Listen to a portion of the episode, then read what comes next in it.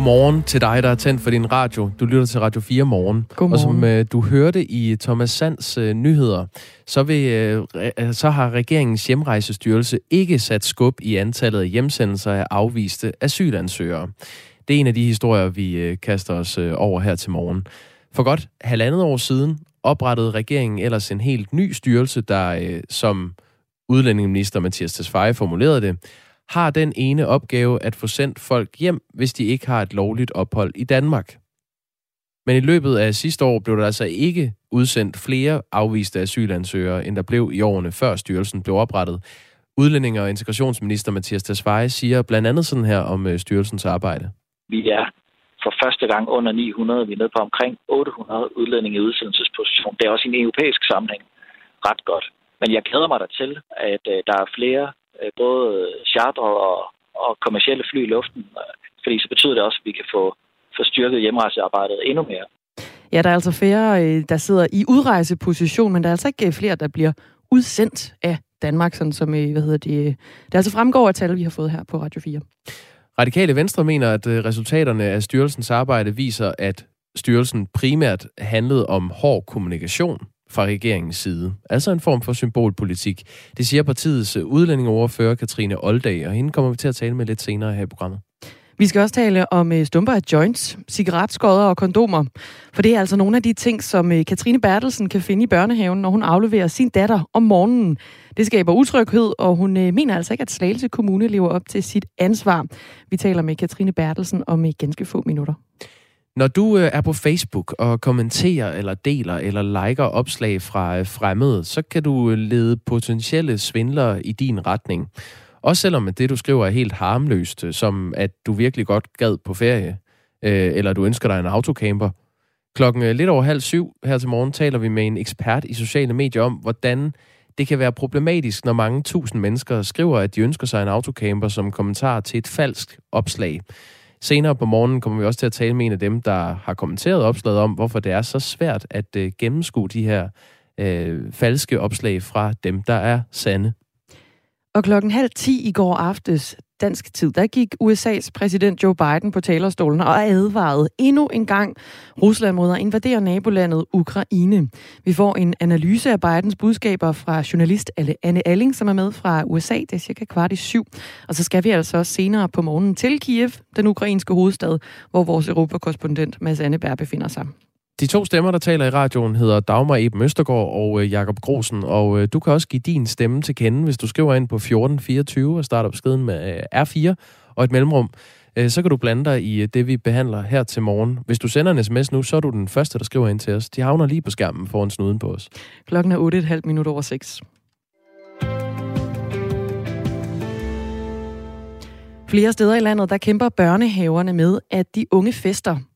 Og de rydder heller ikke op efter sig bagefter. Et af de steder, det er børnehuset Smørblomsten i Korsør, hvor der ofte bliver fundet rester efter fester. Det er stumper af joints, det er cigaretskodder og det er kondomer. Det er bare nogle af de ting, som du har fundet, Katrine Bertelsen. Godmorgen. Godmorgen. Ja, det er helt korrekt. Du har en datter, som, øh, som du hver dag afleverer i, øh, i børnehaven her. Og vi har altså øh, nævnt nogle af de ting, som du har fundet. Men hvad for nogle andre ting finder du også på legepladsen? Det kan være gamle bøtter med rester af snus, poser med lidt restestoffer, cigaretskodder, gamle vingummier, glasgrå i sandkassen. Og, hvor- og hvor ofte sker det, at du finder de her ting? Øh, alt for ofte. Jeg vil nok sige, at det sker oftere, end det sker, at man kommer derned, og der ikke ligger noget. Okay. Så det er en, en, næsten en daglig ting, eller hvad? Ja, yeah, der er ikke meget galt. Der bliver altså holdt, øh, holdt rigeligt med fester på, øh, på legepladsen ved børnehuset Smørblomsten i, øh, i Korsør, lyder det til. Og problemet Ja. med, med rester efter fester på børnenes legepladser, det er et problem, som flere kommuner beretter om.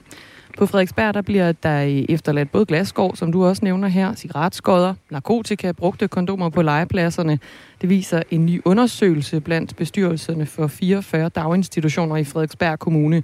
Og det har blandt andet fået 75 procent af dem til at takke nej til kommunens tilbud om at åbne legepladserne i weekenden. De seneste år der har der også været i andre beretninger, for eksempel fra Rudersdal Kommune i Nordsjælland, hvor de unge de hang ud på børnehavers legepladser og i skolegårde, hvor de øh, fester og sviner og begår herværk også. Og her der er der blevet øh, blandt andet fundet en, en pose piller og andre stoffer på en, øh, en legeplads. Ifølge Rudersdal Kommune så er det særligt slemt i Holte, hvor i tre børnehuse de står med udfordringer, og medarbejderne de må altså hver morgen tjekke legepladsen for glasskår og skodder, hash og piller og, og lattergaspatroner med videre at din datter, når du afleverer hende, har hun øh, nævnt noget om det her, eller har I talt om det? Altså nu er jeg jo privilegeret nok, at min datter ikke forstår, hvad det er for et svineri nu. Øhm, så så det, det behøves, kan man sige, ikke. Hun er jo kun lige blevet, blevet tre. Øhm, ja. Tror du, hun tror, det er legetøj, eller, eller hvordan? Øh, nej, det, altså det, det er jo svært at vide, hvad der foregår i en treårigs hoved, men jeg tænker ikke, hun, hun tror, det er legetøj, eftersom det ligger udenfor på jorden på den måde. Altså, jeg tror godt, hun kan skælne, men samtidig med kan hun jo ikke skælne imellem, at det jo ikke er noget, man må komme ind i munden. Mm. Har du hørt noget så, om, at så nogle af tænk... børnene de har taget noget af det her i munden? Nej, heldigvis ikke endnu. Men jeg tænker, det er mere øh, godt pædagogarbejde, end det er, fordi børnene ikke har haft lyst. Mm. Katrine altså børn kommer overalt i munden, det kommer vi ikke udenom. Inklusiv også din datter? Ja. Hun skal også med på lidt af hvert. Det skal børn jo. Mm. Katrine Bertelsen, du har altså en treårig datter, der går i en børnehave, hvor der bliver fundet øh, jointskodder og cigaretskodder og glasskov og så videre. Kondomer også. Øh, hvordan påvirker det dig som mor, når du finder, finder rester af, af sådan nogle fester i legehusene og i sandkasser? Jamen, det er da utrygt. Altså, det kommer vi jo ikke udenom, at det er pisse, det er pisse, meget irriterende og utrygt at sende hende afsted, og, og jeg synes også måske bare, at altså, selvfølgelig de unge må, må hjertens gerne være der, og de skal have lov til at have det sjovt, men altså ryddede de op, havde vi jo ikke nogen problemer. Og, og det er jo en, en balancegang imellem, hvor meget ansvar kan man lægge øh, på pædagogerne, fordi de er jo ikke ansat til at, at passe unge mennesker, der ryger, ryger joints efter lukketid. De er ansat til at passe børn mellem ja, 0 og, og 6 år, ikke? Mm. Så, så det er jo utrygt at sende afsted velvidende om, at det er jo heller ikke, altså, det er ikke, der, det er ikke pædagogernes ansvar, det er jo heller et eller andet sted heller ikke mit ansvar. Men så, jeg... så hvem er det? Jamen, jeg ved, du har taget fat i Slagelse Kommune, fordi du mener, at de bør løse problemet. Ja. Hvad, hvad har du sagt til dem, og hvordan har de reageret? Jamen, altså, jeg har både haft fat i Slagelse Kommune og SSP-konsulenterne og politiet. Og, og de, altså SSP og politi siger, at de er godt klar over det, at de gør noget ved det. Øhm, og Slagelse Kommune de henviste til, at det var ikke dem, der skulle rydde op på parkeringspladsen, hvor det mente jeg, det var. Øhm, og det var også dem, der skulle rydde op på den parkeringsplads, men de vil ikke tage ansvar for at rydde op på grunden. Det mener de er børnehavens problem. Men det er vel også fair nok, når det er børnehavens egen grund, at man holder den ren? Ja, men det, det kunne man sige, men, men det er jo en kommunal børnehave, og det er jo ikke deres job at rydde op efter unge. Altså, deres job er at passe børn i, i alderen fra 0 til 6 år, og så vidt jeg ved, at der er ikke særlig mange 0 til 6 årige, der ryger joints og bruger kondomer. Så må det jo stikke uden for deres, arbejds, altså deres arbejdslag. Mm. Hvordan sørger I forældre for at, at få ryddet op, eller hvordan forholder I jer til det? Jeg ved ikke, hvad andre forældre gør, udover at de selvfølgelig er lige så irriterede, som jeg er. Øh, når jeg går forbi noget, tager jeg det gerne med mig, eller smider det ud i skraldespandene, der står på legepladsen. For altså, to ting væk fra legepladsen er jo minimeret problem og, og giver pædagogerne lidt ekstra ressourcer til at passe de børn, de rent faktisk er ansat til at passe. Mm. Hvad, hvad kunne du godt ønske dig, der, der er sket for, at, øh, at man undgår, der ligger kondomer og jointskodder på din datters legeplads i børnehaven? Jamen altså, det helt ideelle, det vil være, at de unge mennesker, de ryddede op efter sig selv, for så vil vi jo ikke have noget problem. Er der ryddet op, kan vi ikke se, at de har været der, og så kan vi jo ikke, altså, så kan vi jo ikke øh, klage over noget eller brokke os over det. Og hvis ikke de unge mennesker kan finde ud af det, så mener jeg, at det er kommunen, der burde gå ind og overtage det job. Katrine Bertelsen, vi får, øh, på... vi, vi får nogle sms'er, mens vi ja. uh, taler med dig. Øhm, ja. Der er en, der skriver her, der hedder Jesper. Jeg arbejder til daglig med gadefejning i det private, og problemet er mange gange, at lejer ikke vil betale for en øh, medarbejder til at, øh, at gøre fortorve eller legepladser rene hver dag. Øh, ved du, om det gør sig gældende i øh, smørblomsten i Korsør? Jamen nu er det jo ikke en, altså, det er jo ikke en privat institution, det er en kommunal institution. Nå ja, det er klart. Men, men jeg, kan, jeg kan selvfølgelig ikke vide, om, om, om de har nægtet at betale for noget, men det kunne jeg ikke forestille mig. Men i kommunale institutioner kommer alt jo op i kroner og øre. Mm. Øh, så er der en, der spørger, om øh, man kunne sætte overvågning op. Det kunne måske begrænse brugen af legepladserne. Det, det kunne måske være en mulighed, men, men en stor legeplads med mange blinde vinkler, det bliver en rigtig dyr udgift, og, og så tænker jeg også, hvor mange politibetjent kommer der til et par jointskåder og smadrede glas, glasflasker? Ivan skriver kort og godt, de unge skal have et børnehavetilhold. Det er sgu ulækkert, det der. Og så skriver øh, Tommy Ligård, det er faktisk et spørgsmål til dig. Hvor, hvor festede du selv som ung, og fik du og vennerne selv fjernet alt? Altså nu vil jeg sige, at jeg har aldrig rigtig været en festab, men, men det har aldrig nogensinde faldt mig ind at, at være i en institution, hvor der kommer små børn, der ingen sans for har. Altså de, har, de forstår jo ikke, de ikke må komme det i munden. Men jeg har også været en rud, og jeg har også gjort dumme ting, men jeg har aldrig efterladt farlige ting i en børnehave eller skolegård. Katrine Bertelsen, nu taler du om, at, at det hele det går tit op i, i kroner og øre i kommunale institutioner, men man betaler jo alligevel en eller anden form for pris selv for at have sit barn gående i en kommunal institution. Vil du være villig til at, at betale en klink ekstra øh, og smide i bøtten, kan man sige, for at øh, få ansat en person, der simpelthen kan gå og rydde op på øh, børnehavens legeplads? Jamen, skulle det være det, der var, altså, skulle det være det, der var løsningen, måtte det jo være sådan. Men jeg mener ikke, det burde være løsningen. Altså, det, det må simpelthen være kommunens problem. Det er dem, der har åbnet en børnehave. Altså, det, det, jeg synes det, altså, helt ærligt synes jeg, det er kommunen, der bliver nødt til at tage ind over. Det er jo ikke kun min børnehave, der har en udfordring. Det er også skoler, det er, hvad hedder sådan noget, øh, alle øh, legepladser ja, i, på grønne områder. Det er, vi har noget, der hedder øh, Kongegården, hvor, de, hvor det også foregår. Det er jo rigtig mange steder, det er et problem, så derfor mener jeg stadig, det er kommunen, der, det er kommunen, der burde gøre noget ved det. Og vi har jo netop faktisk øh, kommunen med senere på morgenen. Det er klokken 7 minutter over, over syv. Hvad vil du gerne sige kommunen i den, til kommunen i den her sag? Jamen, jeg synes altså, nu var der en ditte fra Kriminalpræventiv på fjernsynet forleden, og jeg synes egentlig, at det, hun siger, det er ret ligegyldigt. Det kan godt være, at de mener, at de gør nok, men nu er der et halvt år siden, jeg sidst har, har gået dem på klingen, og det har ikke hjulpet. Så gør de ikke det rigtige. Det må næsten... Unge mennesker er unge mennesker, det kommer vi ikke udenom, men, men så må der gøres noget andet. Og hvad skulle det andet være? Ja, Ja, men det vil jeg jo så mene, det skulle være, at man ansat nogle flere rengøringsfolk, der kommer og ryddet op. Mm. Og det må næsten være Ditte Brygger Løjborg, du, øh, du henviser til, som er leder af den kriminalpræventive enhed i Slagelse Kommune. Og det er netop uh, hende, vi faktisk uh, taler med klokken 7 minutter over syv her til morgen. Katrine Bertelsen, ja. tak fordi du vil være med. Selv tak. Mor til en uh, treårig i børnehuset Smørblomsten i Korsør, som altså døjer med uh, ja, festskrald på øh, legepladsen. Og vi har henvendt os til børnehuset Smørblomsten. De ønsker ikke at udtale sig og henviser altså til Slagelse Kommune, og det er netop dem, vi taler med senere på morgenen. Portrætalbum på Radio 4. Mange af os har et album, der betyder noget helt særligt. Hver fredag taler vært Anders Bøtter med en gæst, der har et musikalbum med. Gennem musikken, der kommer vi tæt på gæsten. Lyt til Portrætalbum fredag fra 17 til 19, eller som podcast, når det passer dig. Jeg glæder mig til at dykke ned i musikken sammen med dig, og lære mine gæster bedre at kende. Radio 4 taler med Danmark. Hun er en af Danmarks mest fulgte politikere på Facebook med øh, 207.000 følgere. Hun er fast klummeskabent for Ekstrabladet, der til daglig har øh, flere end 800.000 brugere.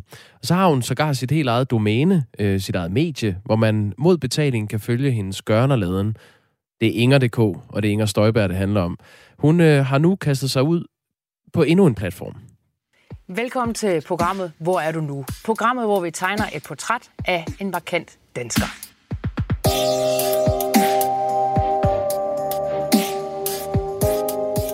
Inger Støjberg er blevet vært på det program, der hedder Hvor er du nu? Der bliver sendt på en af Danmarks mindst sete tv-kanaler, nemlig DK4. Markus Stolze, godmorgen. Godmorgen. Du er rådgiver om øh, politisk kommunikation hos byrået Operate, og øh, har tidligere været ansvarlig for digital kommunikation i partiet Liberal Alliance. DK4 har en seerandel på 0,6 procent, og det placerer altså DK4 sammen med øh, det, der hedder Sexeren, TV3 Max og National Geographic Channel som de mindst sete tv-kanaler i Danmark. Mm. Mm. Hvorfor er Inger Støjberg interesseret i at få eksponering på DK4? Ja, altså først og fremmest, så tror jeg, så tror jeg faktisk også meget, det handler om, at, at Inger Støjberg står lige nu uden et job, og, øh, og øh, hvis man øh, skal høre på, øh, på de rygter, som der efterhånden er ret massive, så barsler hun med lige nu med at, at lave et nyt parti. Og et, at starte et nyt parti, det er jo ikke, øh, det er ikke nogen gratis omgang, og derfor skal der nogle penge i kassen. Og det kan hun jo blandt andet gøre ved at øh, tage jobs på DK4, ved at være klummeskribent på Ekstrabladet, og ved at have sit øh, medlemssite, hvor man kan signe op for 25 kroner om måneden. Øh, så, det tror jeg helt klart er en af grundene til, at hun har sagt ja til, øh, til jobbet hos DK4. Den anden grund, kan man sige, det er, at, at DK4 tilbyder jo også en platform, hvor at Inger Støjberg kan brande sig selv. Og selvom at der ikke er særlig mange, der ser det lige nu, jeg var også inde og læse tallene på, med de 0,6 der, så, så er det jo en kanal, som, som kan ses af rigtig mange danskere. Øh, og øh, dem, der ser det, er primært øh, danskere i den ældre aldersgruppe, øh, og derfor ret meget øh, i hendes målgruppe i forvejen. Så, så man kan sige, det at, at, at de kan stille en platform til rådighed, som rigtig mange potentielt kan se, kan jo give hende et, et, et talerør ud til øh, måske særligt den ældre del af, af befolkningen, som, som, som typisk nok vil stemme på hende. Og øh, den her straf, hun fik øh, på ubetinget fængsel øh, efter rigsretssagen, øh, der, efter den har hun måske også behov for en eller anden øh, blåstempling af, at hun, er, øh, at hun stadig er, er ved at lytte til. Ja, altså som sagt, så tror jeg, at det handler om at have fået en platform for at kommunikere. Nu har hun Inger.dk, øh, som jo er hans medlemssite, øh, hvor hun sender nyhedsbrev ud øh, ret ofte.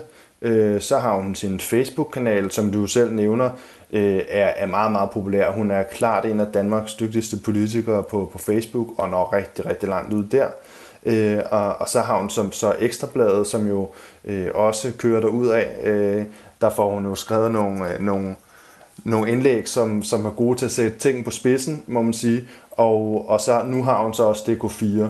Øh, så for hende handler det om at få nogle forskellige platforme, hvor hun kan kommunikere til sin base, øh, og det kan øh, DK4 potentielt give hende, øh, selvom, selvom der ikke er så mange, der ser det lige nu. Den her øh, programserie, som Inger Støjberg beværter på DK4, hedder altså Hvor er du nu? Og første afsnit mm. blev faktisk sendt den 4. februar. Det fløj lidt under radaren, indtil der kom en, øh, en pressemeddelelse. Og så er det så i den her uge blevet en, en mediehistorie, at, øh, at Inger Støjberg mm. skal være vært på DK4. DK4 beskriver selv programmet sådan her. Hvor er du nu? Er programserien, hvor vi møder en markant dansker, der var her, der og alle vegne, men som nu er kommet videre og måske ikke længere trækker de store overskrifter. Inger Støjberg indtager værtsstolen med jysk lune og underfundig humor. Hun er jo som sagt øh, med 207.000 følgere på Facebook en af de mest øh, fulde danske politikere. Hun er fast skribent på, øh, på EB øh, og har sit eget internetunivers på, på Inger.dk. Det virker jo ikke umiddelbart til, at hun lige nu har planer om at, at komme videre og ikke længere trække de store overskrifter. Øhm, hvad mener du, programmets ramme siger om det, Inger Støjberg gerne vil have ud af at være vært på DK4? Ja, det, det er et rigtig godt spørgsmål. Altså, jeg tror, at, at, at det her program, uden at jo have set det første, øh, så det må jeg lige sige, øh, jeg, jeg tror, det handler om, at det taber godt ind i hendes politiske agenda. Øh, man kan sige, hun har lige skrevet eller jeg så hendes øh, Facebook Live i går, det her spørgeteam, hvor hun jo taler meget om øh, woke-bølgen, øh, og, og det her med øh, folk, der bliver øh, øh, cancel, den her cancel-kultur, som mange taler om. Og jeg kunne godt forestille mig, at, at, at det her tema, hun har valgt med folk, der er røget ud af rampelyset, måske også handler om nogle folk, som der er blevet skubbet lidt ud af rampelyset, øh, og derfor passer det jo sikkert fint ind i hendes politiske agenda. Ja, det, det er for eksempel tidligere landstræner for herrelandsholdet i fodbold til Piontek, Øh, så er det mm. restauratør Amin Skov, der for 10 år siden blev kendt, da han mm. lå i konflikt mm. med 3F. Øh, ja. Så er det kunsthistoriker Alice Helleland, som fra midten af 90'erne til midten af 0'erne var direktør på Statens Museum for Kunst. Og så er det også tidligere øh, forsvarskrumtab på øh, fodboldlandsholdet Mark Riber. Mm. Man må gå ud fra, at Inger Støjberg har haft meget at sige i forhold til, hvilke gæster, der skal være med i hendes program. Øhm, har du et bud på, hvorfor Støjberg gerne vil indtage værtsstolen med jysk lune og underfundig humor over for netop de her gæster? Ja, men altså, hvis vi tager sådan en som min skov for eksempel, så er det jo et godt eksempel på en, som blev øh, som, med en politisk sag, og som måske øh, som, som havde meget, meget fokus i et kort tid, og, og, og, så, og som blev presset af sine politiske modstandere, og måske presset ud af rampelyset igen. Ikke? Øh, det synes jeg er et godt eksempel på noget, som der, som der passer rigtig godt ind i, i Inger Støjbergs politiske øh, dagsorden, og, og, og, og derfor så tror jeg, at, at det, det er den type gæster, hun inviterer ind. Det helt store spørgsmål er jo, hvem der får mest ud af det her? Er det DK4-programmet, mm. Hvor er du nu, eller er det uh, Inger Støjberg? Hvad, hvad mener du? Ja, det, det synes jeg faktisk er et rigtig godt spørgsmål. Altså, øh, jeg tror, at, at DK4 er nok dem, der, der, der gavner mest af det her. Altså man kan sige, det er jo ikke første gang, at DK4 de har taget øh, hvad hedder det, typer som Inger Støjberg Altså vi så jo, vi så jo også, øh, at de havde øh, Henrik Fortrup inden for mange år siden, efter han blev dømt. Øh, og, og så fik han en, en værtsrolle derinde. Så de er jo ikke bange for at tage kontroversielle skikkelser ind øh, på tv-kanalen for at få nogle ekstra øh, seertal. Øh, jeg ved ikke, hvordan det gik med Henrik Fortrup dengang, men jeg kunne forestille mig, at det har givet et lille bump i det, op i deres øh, seertal. Og må ikke også, at de gør det med Inger Støjberg, det, det tænker jeg i hvert fald. Jeg kunne i hvert fald høre, da hun sendte live på Facebook i går, og der var flere, der sagde, at de ville begynde at se DK4 nu. Uh, så må vi jo se, om det også passer. Uh, ja. Det sagde Markus Stolze, som øh, altså rådgiver øh, om politisk kommunikation hos byrådet Operate, og tidligere har været ansvarlig for digital øh, kommunikation i partiet Liberal Alliance. Tak fordi du var med, øh, Markus Stolze. Ja, selv tak. Ha' en rigtig god dag. Ja, tak. I lige måde. I dagens udgave af vores øh, politiske magasin Mandat her på Radio 4 får de faktisk besøg af kvinden selv, Inger Støjberg. Det er første gang, Støjberg stiller op til et længere interview siden dommen i rigsretssagen mod hende. Og det kan du altså høre, hvis du lytter med her på kanalen fra kl. 11.05 i dag.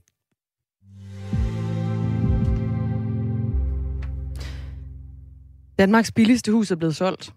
Jakob Grosen. Jeg så det godt. Ja, det ser sådan her ud. Ja. Printeren ja. og mig, vi er altså ikke uh, særlig gode venner, så du får det i... Øhm... Så kan jeg give dig det i farver, jeg har Ej, også printet fedt. det. Ej, det er så godt. Jeg ved ikke, printeren og mig, vi kan simpelthen ikke finde ud af at få, få ting printet ud i farve. Nå, du får huset er altså gult. huset er gult øh, med øh, rødmalet øh, træværk rundt omkring. Der er lidt, øh, lidt mosbegroning på taget. Det ser jo ikke ud, som om det er tip-top stand. Nej, det kan man ikke øh, rigtig prale af, men det er jo også derfor, det er Danmarks billigste hus. Det skriver TV2 Nord på baggrund af øh, informationer fra Boliga.dk, et boligmedie. Og hvad kostede det? Danmarks billigste hus. Den nette 75.000 kroner. Den nette sum er 75.000 kroner. Vi skal lige sige, at det ligger i øh, den lille landsby Terbet, som ligger i Jørgen Kommune. Øhm, og det er altså en øh, kvadratmeterpris på øh, 344 kroner. Det er, altså, ja, det er til at overskue.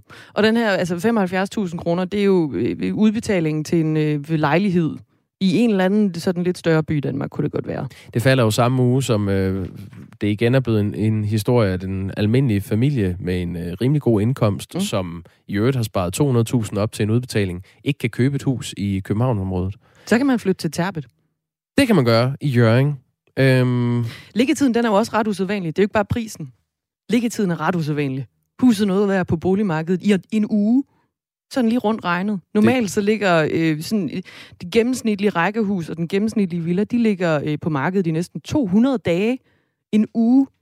Det er smart. Det har altså været slagtilbud, det der. Det er gået som øh, varmt brød. ja. øh, men den nye ejer har lidt en opgave foran, så kunne jeg forstå. Der er ikke nogen form for garanti på hverken varme, el, vand eller kloaksystemer på den her øh, ejendom. Det fremgår af salgsmaterialet.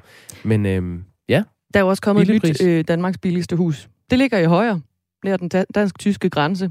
Hvad koster det? Det koster 95.000 kroner. Ah, det er også billigt. Det er, også, det er ok. Ja, jamen øh, nogle steder kan du få en bolig til en billig penge. Lige nu er klokken blevet øh, halv syv. Vi skal lige have et nyhedsoverblik med øh, Thomas Sand.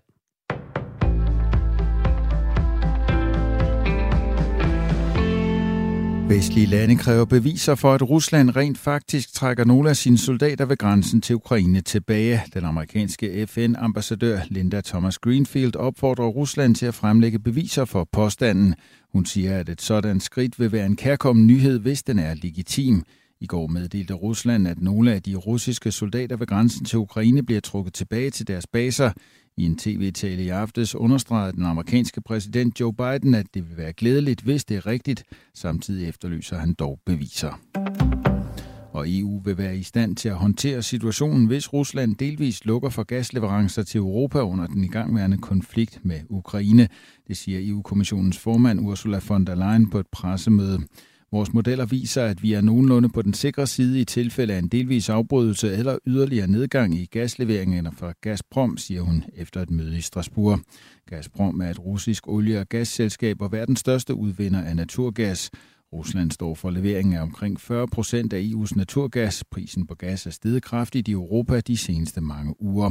Det skyldes blandt andet en kombination af stigende efterspørgsel fra flere lande efter coronapandemien og mindre forsyninger end normalt fra Rusland.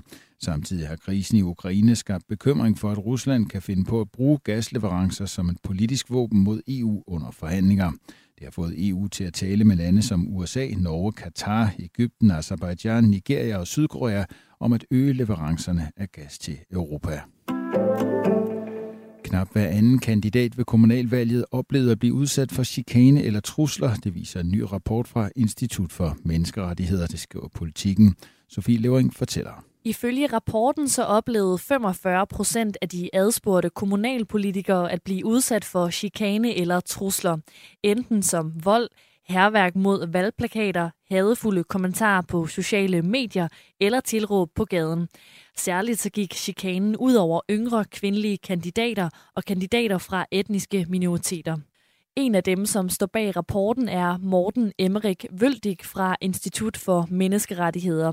Han siger, at det er et problem for demokratiet, når dem, som i forvejen er underrepræsenteret, også er dem, som bliver chikaneret. Han peger på, at det kan være en af de barriere, som står i vejen for, at vi får et mere velfungerende demokrati, som fagner de forskellige erfaringer og interesser i befolkningen. Rapporten baserer sig på svar fra 2.271 kandidater. Det svarer til en fjerdedel af landets kandidater ved kommunalvalget i efteråret. Havene rundt om USA vil formentlig stige med op mod 30 cm frem mod 2050 på grund af klimaforandringer. Det forudser den amerikanske værmyndighed NOAA i en ny rapport. Holder forudsigelsen stik ved havvandstanden om, rundt om USA stige lige så meget de næste 30 år, som de har gjort det seneste århundrede. Ifølge rapporten vil havene omkring USA i gennemsnit stige med 25-50 cm. Havniveauet ventes at blive højere langs den atlantiske kyst og den amerikanske golf end ved USA's stillehavskyst. Ifølge rapporten vil stigningerne føre til betydelige ændringer i, hvordan oversvømmelser rammer USA's kystområder, da vejrfænomener som stormfloder og højere tidevand ventes at kunne nå længere ind i landet. Lidt sol først på dagen i de nord- og østlige egne, ellers bliver det skyet med udbredt regn fra sydvest i de nordlige egne lokalt som slud, som i løbet af eftermiddagen afløses af byer. Temperaturerne stiger til op mellem 4 og 9 grader, varmest i Sønderjylland. Let til frisk vind fra sydvest og syd, der om eftermiddagen tiltager til frisk vind til kuling fra sydvest i Nordjylland, dog let skiftende vind.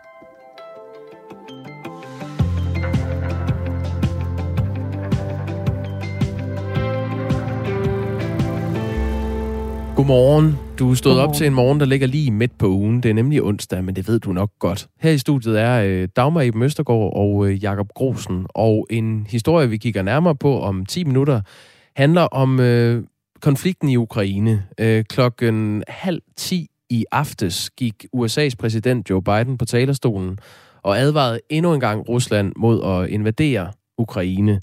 Og vi kommer til at få en analyse om 10 minutter af Bidens budskaber fra, øh, fra den her tale. Og det er øh, Anne Alling, der leverer det, vores journalist i USA.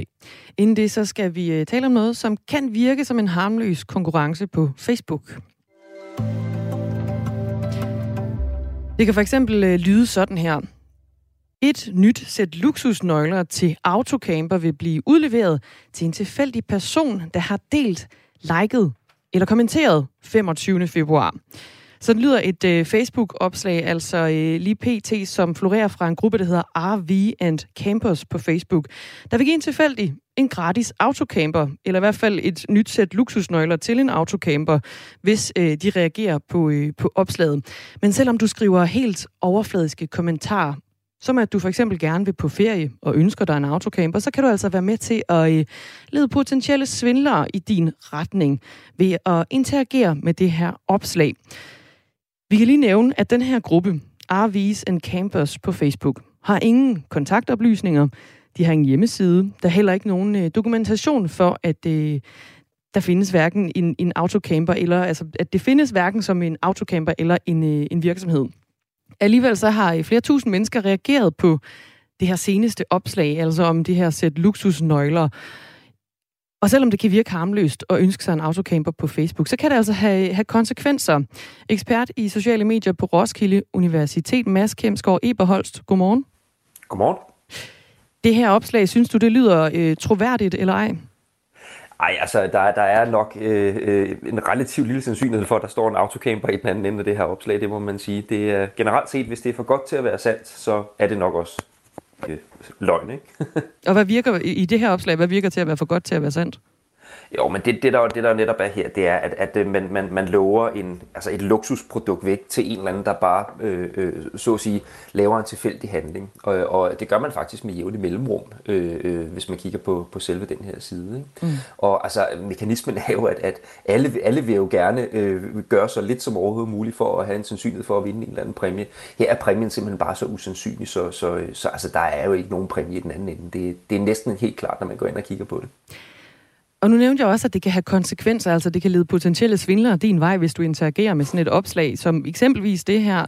Øh, hvad kan bagmænd, eventuelle bagmænd få ud af, at mange tusind mennesker giver udtryk for, at de ønsker sig en, øh, en, en autocamper. Lige præcis det her opslag, der er 53.000, der har liket det. Der er 43.000 kommentarer, og så er der 116.000 delinger. Ja, og det, og det er jo, øh, og jeg jeg vil næsten våge at påstå, at vi alle sammen, hvis vi er på Facebook naturligvis, stødt på noget, der minder om det her. Måske ikke lige den her konkurrence, men så i hvert fald nogle andre, som minder meget om det. Og det, og det, man, det man får, det er jo, at, man når enormt bredt ud i, i folks netværk. Altså øh, sociale medier er jo, er jo netværksbaseret for, baseret på, det, på, at hvis en eller anden i dit netværk har interageret med det her, så bliver du også selv lidt den vej. Øh, så, så, så derfor så spreder sådan noget her så som en steppebrand.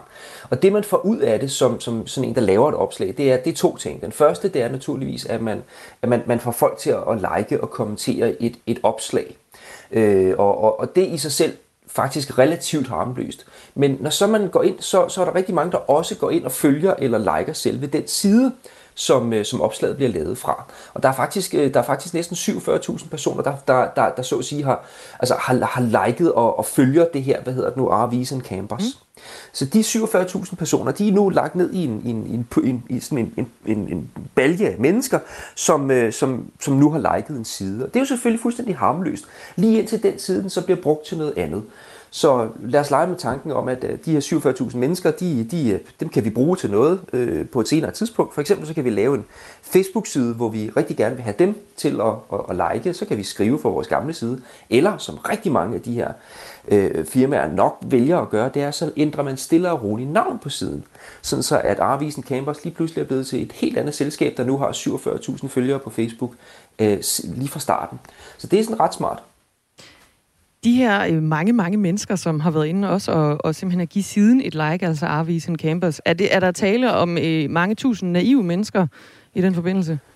Nej, altså det, det, er, jo, det, er, jo, det er jo nærmere en mekanisme, øh, som, som nok er indbygget i mange af os, når vi interagerer med sociale mennesker. Altså vi ved jo nok alle sammen godt, øh, fordi vi er blevet advaret så mange gange, at hvis det er for godt til at være sandt, så er det altså også øh, løgn og, og fiduser, ikke også?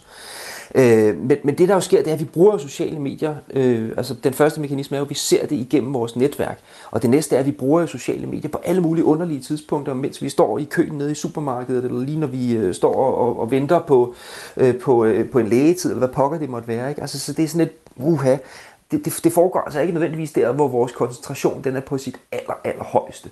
Øh, og, og derfor så er mekanismen jo, at man hurtigt, hurtigt falder i, og man hurtigt kommer til at trykke, jeg liker lige den her side. Måske endda fordi, at, at man læser opslaget, hvor man skal like selve siden, og ikke kun opslaget. Øh, lige, lige den mekanisme med, at man skal like en side og gøre meget bestemte ting, er faktisk sådan en, en, en ting, som Facebook typisk øh, slår ned på og siger, at det må man egentlig ikke rigtigt. Øh, Øh, så, så, så det er de blevet ret gode til, de her mennesker, der opretter den her type falske konkurrencer og, øh, og, og undgå. Men mekanismen er der stadigvæk helt tydeligt, når så mange mennesker har gået ind og like. Vi taler med ekspert i sociale medier på Roskilde Universitet, Mads Kemsgaard øh, Eberholst, om øh, faren ved at give hurtige likes til, til opslag på Facebook, man ikke lige har fået verificeret, om, om de er falske eller om de er gode nok. Det her konkrete opslag, Mads Kemsgaard Eberholst, nu, nu gentager jeg lige, hvad det er, der står. Mm. Et nyt sæt luksusnøgler til autocamper vil blive udleveret til en tilfældig person, der har delt, skråstreg liket, skråstreg kommenteret 25. feb. Og så står der så nedenunder, se oprindelig tekst. Og det afslører jo, at det her det er ikke oprindeligt skrevet på dansk. Så det kunne også godt tyde på, at nogle af dem, der har liket det her opslag, ikke er fra Danmark. Øhm, hvad, hvad er det for nogle, en alarmklokke, der ringer ved dig, når du, øh, når du ser sådan et opslag? Altså for, for det første, så, så alle, alle former for, øh, for øh, konkurrencer, som, som direkte er, altså er oversat, maskineoversat på den måde her, så det er jo en, det er jo en, en, maski, en maskinel Facebook-oversættelse. Dem, øh, dem er jeg varsom med, ikke? Øh, nummer to, det er, at, at når præmien er så stor, og det er gratis, øh, øh, altså at deltage på, på alle lederkanter, man bare skal, øh, man bare skal like eller, øh, øh, eller skrive en lille kommentar, så, så er der nok ikke nogen præmie. Og det tredje er så, at man, man bør næsten altid lige gå ind og kigge på de her sider. Hvad, hvad er det egentlig? Og nu har jeg jo selv sagt, at der er ikke nogen kontaktinformationer. Der er meget, meget lidt, når man går ind og kigger på den side, der har lavet opslaget. Man kan også se, at siden er oprettet i december 2021. Øh, så, så det er sådan en, en, øh, en, en ret ny opfindelse, så at sige. Ikke? Så altså, øh, man, man, man, skal, man, skal, man skal se sig for, rent sagt. Ikke? Altså, men, men problemet med de her opslag er jo, at de ved, ved første og andet øjekast faktisk godt kunne være sandsynlige. Så man må stille sig selv spørgsmålet, hvor sandsynlig er den sandsynlighed så? Altså er det faktisk en, en reel præmie? Ikke? Og nu snakker vi jo om, om det her, øh, øh som om, at, at, at der ikke er nogen præmie i den anden ende. Øh, det er jo bare ikke lykkedes os at få fat på det firma. Det kunne jo teoretisk set godt være, men min vurdering er, at det er meget, meget usandsynligt. Facebook-gruppen Arvis and Campers, den blev oprettet den 14. januar, altså den her gruppe, hvor det her opslag også udspringer fra. Vi ved, som du også nævner her, ikke hvem der har lavet øh, gruppen eller det seneste opslag, der altså foregiver at udlåde en øh, gratis autocamper, eller i hvert fald et sæt luksusnøgler til en autocamper, hvis man reagerer på det. Om en lille times tid, der skal vi også tale med en af dem, der faktisk delte det her opslag på sin egen profil og skrev en kommentar til det. Hun hedder Cecilie Lorentzen og skrev, Åh, det gad jeg godt. Så vil min hjælper og min familie komme rundt og vise mig Europa vil kunne komme rundt og vise mig Europa. Og det er altså ordlyden også i, øh, i de fleste andre kommentarer. Og det var så Cecilie Lorentzens søn, der gjorde hende opmærksom på, at opslaget det højst sandsynligt er falsk. Hun kunne altså ikke se det selv, heller ikke øh, efter hun sådan set fik at vide, at det, det angiveligt var, var falsk. Det gode råd her til slut, Mads Kemsgaard, Eberholst, ekspert i sociale medier ved RUK. Hvad er det gode råd, hvis man skal undgå at interagere med falske profiler eller grupper eller opslag på Facebook? Hvad skal man gøre? Ja, men det, og det, det, er, altså, det er jo enormt vanskeligt. Nu, nu nævner I selv her, at den her, øh, øh, øh, hvad hedder du bruger, kunne jo ikke se det, og faktisk I gør hende opmærksom, hun kan stadig ikke se det. Og det er jo altså rigtig, rigtig, rigtig svært. Øhm, og derfor vil jeg sige, at, at, at man, man er nødt til at være ekstra opmærksom. Altså øh, for eksempel alt, hvad der hedder internationale mas- maskinelle oversættelser. Det, det skal man nok lige være lidt varsom med. Men der er jo også masser af danske svindlere, og så er det altså, man må gå ind og se, hvem er det, der laver de her øh, opslag. Altså kan, kan man rent faktisk finde et telefonnummer? øh, eller, eller noget så gement som en adresse. Altså virker det som om, at der er mennesker i den anden ende, øh, at det er en side, der er oprettet sådan for ganske nylig, så, så vil det også være et ret typisk svindelnummer. Ikke? Så men, man, man er simpelthen nødt til at, at tage sine aller, allermest kritiske solbriller på, inden man øh, bevæger sig ud på, på det der internet. Det er ret vigtigt. Tak, Mads Kemsgaard Eberholst. Selv tak. Ekspert i sociale medier på Roskilde Universitet. Og det er altså klokken 26 øh, minutter i 8. Der taler vi med Cecilie Lorentzen, som er en af de mange tusind, der har delt og kommenteret det her opslag på øh, Facebook, vi taler om. Vores øh, lytter Katarina opfordrer også til at tage de kritiske solbriller på. Hun skriver, øh, der var på et tidspunkt nogen, der havde lavet en falsk side, der lignede Elgigantens. De udlovede en øh, støvsuger til en heldig vinder. Lang historie kort, så fik alle, der deltog, en besked på Messenger om, at de havde vundet, men de skulle betale fragt for at få præmien. En rigtig god ting er at huske, at man aldrig skal betale fragt for at få en øh, gave hjem, hvis man vinder et eller andet. Tak for sms'en, og tak for rådet, Katarina. Du kan også skrive ind, hvis du lytter med på 1424. Start med R4 og lav et mellemrum. Krigstrummerne fortsætter med at bulre på grænsen mellem Rusland og Ukraine.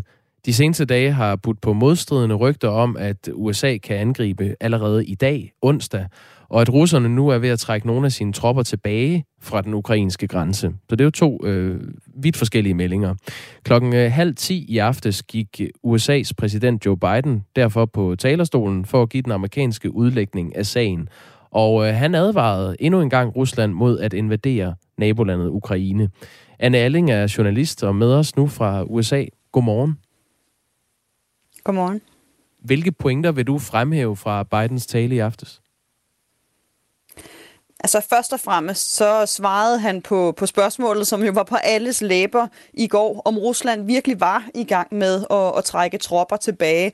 Det var der forlydende om, at der var nogle satellitbilleder, der viste, at de gjorde. Men det sagde Biden altså, at han ikke kunne bekræfte på, på nuværende tidspunkt, og der i hvert fald ikke var tale ligesom om nogen officiel tilbagetrækning. Og altså de seneste dage, der har det jo lyttet nærmest omvendt, som du også sagde fra, fra USA, altså at et russisk angreb, det kunne være nærmest uundgåeligt, og det kunne ske allerede her øh, i dag. Men der var Biden altså inden og måske at lægge lidt is på og sige, at USA de altså stadig er åbne for diplomati. Han sagde, at USA de er klar til at indgå skriftlige forhandlinger med russerne. Øh, så på den måde, jamen, så, så afkræftede han både det, både det ene og det andet rygte, men, men holdt fast i, at øh, USA de altså er klar til at handle ligegyldigt, hvad Rusland gør.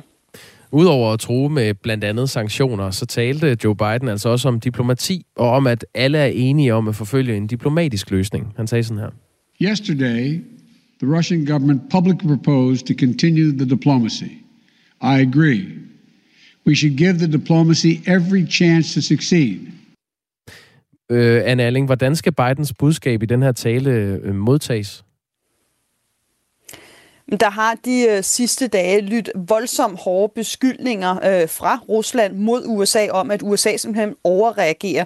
En øh, russisk talperson har kaldt USA for hysteriske, og altså den tegnet sådan et billede af, at det faktisk er USA, der prøver at, at fremprovokere en øh, konflikt. Og det er rigtig, rigtig vigtigt for Biden lige nu at, at modargumentere, altså at vise, blive ved med at understrege, at bolden altså er på, på Ruslands banehalvdel. Øh, som Biden han sagde i sin tale, sagde han, at hvis der bliver krig, jamen så er det fordi, det, um, altså det udelukkende er Rusland, der vil have krig. Øh, så det er det rigtig vigtigt for Biden at, at understrege lige nu, både over for Rusland og omverdenen, men også over for, for amerikanerne, som jo også sidder og ser med i denne her tale. Amerikanere, som meningsmålinger efter meningsmåler, og også alle de amerikanere, jeg taler med, viser, at de ikke på nogen måde øh, er interesseret i en, i en væbnet konflikt med, øh, med USA som, øh, som medspiller. Rusland har jo opmarcheret over 100.000 soldater ved den øh, ukrainske grænse, og i går var der så meldinger om, at en række russiske soldater er blevet trukket tilbage, men det har USA, USA altså ikke kunne øh, få bekræftet, sagde Biden. Øh, som også understregede endnu en gang, at der ikke kommer amerikanske soldater til Ukraine. While I will not send American servicemen to fight in Ukraine, we have supplied the Ukrainian military with equipment to help them defend themselves. Hvorfor er det en vigtig pointe for Biden at understrege det, at de ikke sender soldater til Ukraine? Det er det jo igen for ligesom at skabe det her billede af, at det er Rusland, der er den aggressive. Øh, at, at USA ligesom kun står i denne her situation på grund af Rusland. Men så igen, så er det altså også rigtig vigtigt at vise over for den amerikanske befolkning, som måske ikke har fulgt helt så meget med i denne her konflikt de seneste måneder, efter den er optrappet. Det har ligesom kørt lidt i, i baggrunden, men, men som begynder at, ligesom at høre mere til det her, jo, jo, jo nærmere ligesom, øh, truslerne kommer. Og der er amerikanerne altså meget, meget enige om, at de slet ikke er interesseret i at sende amerikanske tropper til at kæmpe altså direkte i, i krig i Ukraine. Og det er rigtig vigtigt for, for, for Biden at ligesom understrege over for den amerikanske befolkning, at det her heller ikke er målet. Øh, Biden har jo egentlig lidt ligesom Trump også gjorde, kørt en politik om at trække amerikanske tropper hjem fra, fra verden, ligesom for at stoppe de her krige, som amerikanerne fører ude i verden. Og det er fordi, at det er noget, som, som amerikanerne er interesseret i. At de ligesom ikke længere sådan helt bakker op om denne her meget aggressive øh, amerikanske forsvarspolitik. Så, så det er det vigtigt for Biden at vise amerikanerne, at han, at han stadig lytter til. Altså, når man lægger de her pointer sammen, så lyder talen for Biden i går lidt som en gentagelse øh, og en understregning af nogle pointer, som den amerikanske præsident er kommet med før. Øh, kom der overhovedet noget nyt fra Joe Biden i går? Altså jeg vil sige, det der faktisk var mest spektakulært, det var, at øh, Biden han gjorde det soleklart, at han sagde direkte, at hvis Rusland de øh, beslutter at angribe Ukraine, så vil man altså stoppe åbningen af denne her gasforsyning Nord Stream 2, 2 øh, som, øh, som mange sikkert har hørt om. Man vil simpelthen stoppe åbningen af den. Og det er der noget, der har været snak om længe. Man har diskuteret meget, om det ligesom skulle være, være et af, af værktøjerne, ligesom en af sanktionerne mod øh, Rusland. Og det understregede Biden altså i går, at der ser ud som om, at der er taget en beslutning om, at hvis Rusland de angriber, jamen, så bliver der ikke tale om at åbne for denne her Nord Stream 2 øh, gasforsyning. will impose long-term consequences will undermine Russia's ability to compete economically and strategically. And when it comes to Nord Stream 2, the pipeline that would bring natural gas from Russia to Germany, if Russia further invades Ukraine, it will not happen. Hvorfor er det, at Bidens udmelding om øh, Nord Stream 2 er så afgørende? Det her det er et, et kæmpe projekt, som har været år undervejs, kostet milliarder og milliarder af dollar. Det er en, altså en 1200, 1200 km gasforsyning, som løber fra Rusland til Tyskland øh, under Østersøen. Og det, der er så spektakulært ved den, øh, og som har gjort, at den bliver kritiseret meget, det er, at denne her gasforsyning, den går uden om Ukraine. Øh, den løber under Østersøen, altså ikke gennem Ukraine, som andre gasforsyninger gør. Og det gør, at øh, Ukraine de simpelthen ikke får fordel i, i pengene af den. Det er den ene ting, og det gør jo, at det er Rusland, som ligesom får alle indtægterne af den her gasforsyning. Så det er både et enormt stærkt værktøj over for, for Rusland at sige, at man simpelthen ikke vil lade dem åbne den her gasforsyning. Rusland vil tabe en masse, masse penge på det. Men så er det også en vigtig gasforsyning for, for europæerne. Øh, man regner med, at den vil kunne give mere end 26 millioner amerikan- eller, øh, europæiske husstande øh, elektricitet. Så på den måde har man været i tvivl om, om det ligesom var noget, europæerne ville gå med med til, fordi den her gasforsyning også er så vigtig for dem. Og hvis Biden, når Biden han nu kommer ud og siger, at det ser ud som om, der simpelthen er taget en beslutning om det her, så viser han, at, øh, at han har taget en beslutning sammen med europæerne, og det er et, et argument, som er med til at vise, at Biden og Europa, de står stærkt sammen, præcis som Biden han også sagde i sit tale, og virkelig gør meget ud af øh, at vise til omverdenen, overbevise omverdenen om, at til trods for, for stridigheder de sidste år, så står USA øh, og Europa stærkt sammen nu. Tak skal du have, Anna Alling. Velbekomme. Vores øh, journalist med fra USA. Øhm, NATO's forsvarsminister kommer til at mødes i morgen i Bruxelles for at drøfte den her situation, kan vi sige, som et øh, nedlæg. Ja, vi kan også lige nævne, at øh, vi senere på morgen skal til Ukraine. Vi skal til Kiev, hvor øh, vores europakorrespondent Mads Anneberg, han er øh, placeret lige nu. Øh, lytter Kenneth skriver på sms'en, Hvorfor bliver I ved med at fremstille Rusland og russerne som onde? Hvem er det, der har erklæret krig mod et land, fordi de havde masseødelæggelsesvåben? Har de brudt løfter? Har de blandet sig her og der alle vegne i hele verden? Nej, men det har USA. Bliver sgu mere og mere solidarisk med Rusland, i stedet for det aggressive USA, er synspunktet fra Kenneth. Så slipper vi for den gasrørledning, hvis de angriber. Det er næsten en krig hver, er der en, der påpeger. Hmm. SMS'er er øh, velkomne øh, på 1424. Start beskeden med R4 og et mellemrum.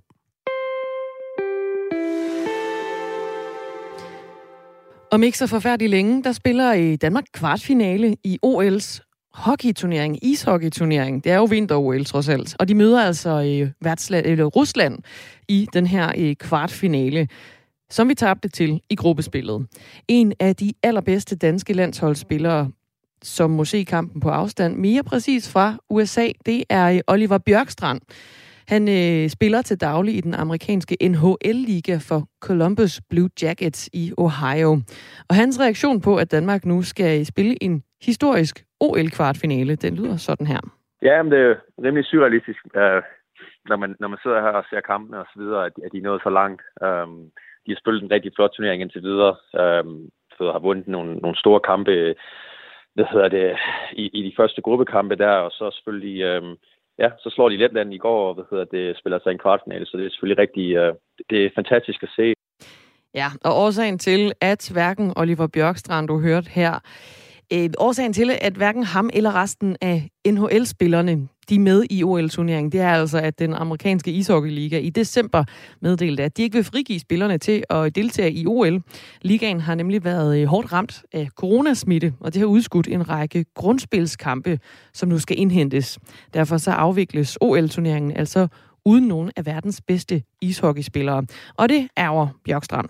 Det er selvfølgelig hårdt. Øh, man vil gerne have været en del af det. det det har altid været en drøm at spille øh, OL, og i Danmark har vi kæmpet for det i mange år, så øh, ja, det er selvfølgelig ærgerligt, at man ikke øh, kan være en del af det, men øh, det er, så det er, som det er, ikke? Og, og, og nu sidder man herover og ikke kan være med, så, så nu nyder jeg bare at se kampene øh, og følger med drengene, øh, der spiller nogle rigtig gode kampe, så jeg har stadig sjovt med det, og, og rigtig glad for, hvordan det er gået øh, indtil videre.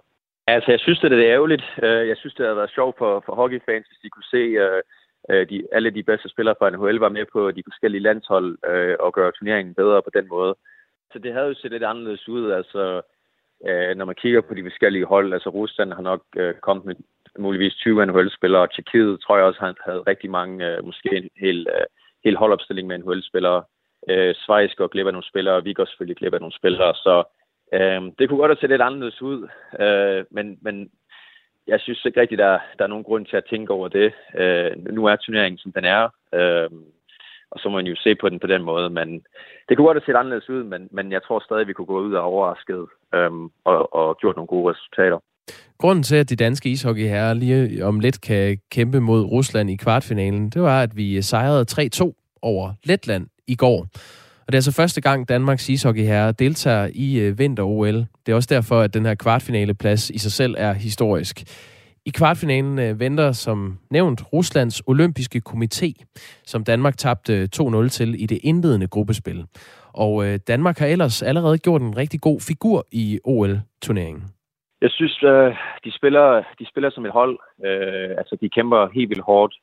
Øh, de vinder alle hvad hedder, de duellerne derude, og øh, spiller bare øh, rigtig klogt hockey. Øh, jeg synes, i nogle af kampene kunne man godt se, at måske at, at øh, de andre hold har haft pukken lidt mere, øh, men på samme tid så er de heller ikke kommet til rigtig mange gode, øh, store chancer, hvilket øh, beviser, at Danmark øh, spiller rigtig godt defensivt. Så øh, nej, jeg synes bare, det er en rigtig god holdindsats. Øh, og de får scoret på de rigtige tidspunkter, så øh, det, det er rigtig fedt at se. Og så selvfølgelig mod Rusland nu, der skal de ud og gøre det samme.